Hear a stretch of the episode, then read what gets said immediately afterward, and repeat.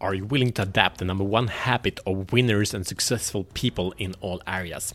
So, welcome to Show the Fuck Up Minute. My name is Matt Fyron, and this show is for men that are committed to stop playing small and unleash their personal greatness.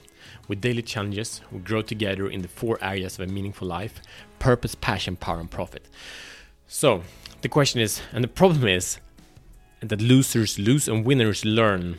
The shift is easy, it makes sense, obviously losers lose, they're lying there on the floor, and winners learn. There is this um, hard question for you.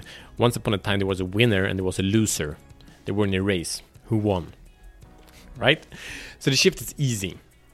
But no one I know harvests the lesson from their fuck ups enough. I mean, they don't learn enough. So the problem is that it takes ownership and leadership to make the difference, to make the shift. But the problem with that is that that means that what I did last month, last quarter was probably not enough. I could have done better. It takes, yeah, I fucked up or I I failed or I was ineffective or I was distracted or whatever the story is. It's actually saying I did that. I was in power because it wasn't me, it was someone else, and I can't control it. And if I can't control it, I can't make any improvements. So I just might lay down and die, right? What is much more comfortable is say, if not look at what didn't work, and then you say, I did, yeah, I, I did okay, I did fine, yeah, yeah. And then you think, yeah, I'm, I'm perfect. And then you're in a bubble of BS and lies. And you don't need to change, you don't need to evolve, right? It's so freaking comfortable. So that is how easy it is to be a victim, but it leaves us living life as half men. Do you know how that feels? How it feels to be in the prison of playing small by not owning up to your life experience. Trying to do shit that is actually easy for us instead of doing it. It's like I know I I spoke to a friend the other the other week, amazing man, and he said, I've been trying to get into this habit for 20 years. It's like fuck it. Come on. Don't try to do shit. Learn from what's working, what doesn't work, and pivot, adapt, evolve, change, and that's the solution. The solution is evaluate, learn, and optimize. The solution is winners learn. They are in a situation either they, they come out as a victor, vic, victories vic, with a victory, or they come out from a situation where they learn, where they will never do the same mistakes again. That and that's the definition of leadership. Le- leaders never make the same mistake twice, right? But this take willingness to say I could have done better, right? This this does not mean self-hatred. It doesn't mean like, oh, I'm suck, I'm so terrible. It doesn't mean that. This has nothing to do with feelings. That's for a different topic. That's for a different conversation. Like, here's what happened. Here's the fact. Here's the truth, and just observe that, and just observe what could have been different. I will speak to you to another episode later this week on on how I fucked up last week and how how I was distracted and so on. And it felt like shit, but it's not about that. It was what the actions tell me, the feedback, how I need to develop and evolve. So the question is did you achieve the outcome you wanted or not? If you didn't something was wrong in your in your goals in your planning in your strategy in your focus in your dedication whatever. And that's okay. We all do mistakes. Own up to it. So here is your mission should you choose to accept it. Number one.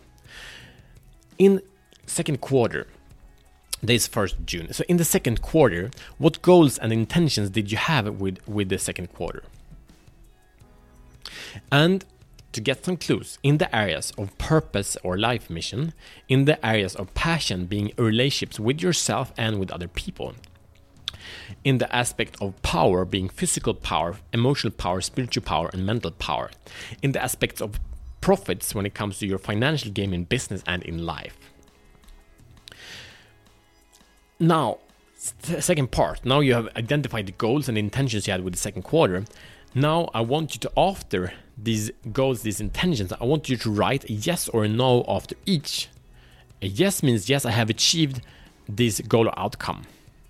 No means not. And do not be nice. Because go back to when you wrote this up or when you thought this. If you didn't write it up, then you should start writing it up, or you definitely could. You can make that choice. Then remember how you defined, how you felt that, how you, what it meant to you when you, when you created that intention. And have you done that? Don't be nice. Yeah, I kind of did it. No, if you kind of did, you didn't do what you were set out to do. And that means there is a lot of learning to do. So, number three, here is the, the question. If you didn't do, if you didn't achieve what you wanted to achieve, ask yourself these questions. What did you choose to make more important? What will be the long term effect if you keep prioritizing as you actually did? Number three, um, what worked well on working towards your target? What did not work? What is your key learning? And I want you to answer these questions on, on all the goals and intentions you set. Okay. So the last question, what worked well? What didn't work? What are your key learnings? Those you answer both if you succeeded or not succeeded. Okay. So here uh, now you have 24 hours. I invite you to do this now. Tomorrow we will set out to the plan to make the best quarter of your life. That's what we're going to set up for success tomorrow. How smashing is that? Before, I have a gift for you. And this is a gift that is nine steps to go from overwhelmed to life mastery. This is a big promise. And this roadmap is proven it's super simple. It's a show the fuck up framework. It's a show the fuck up roadmap. It shows you exactly, you can look at this roadmap for 30 seconds. You can see exactly where you are today. You can see exactly where you're stuck, where you're frustrated, why you don't move ahead to where you want to be. And you know what to do next. That's this roadmap. So it, it's the URL is showtfapp.com slash road to power. And you have the link in the show notes below. See you tomorrow as better men.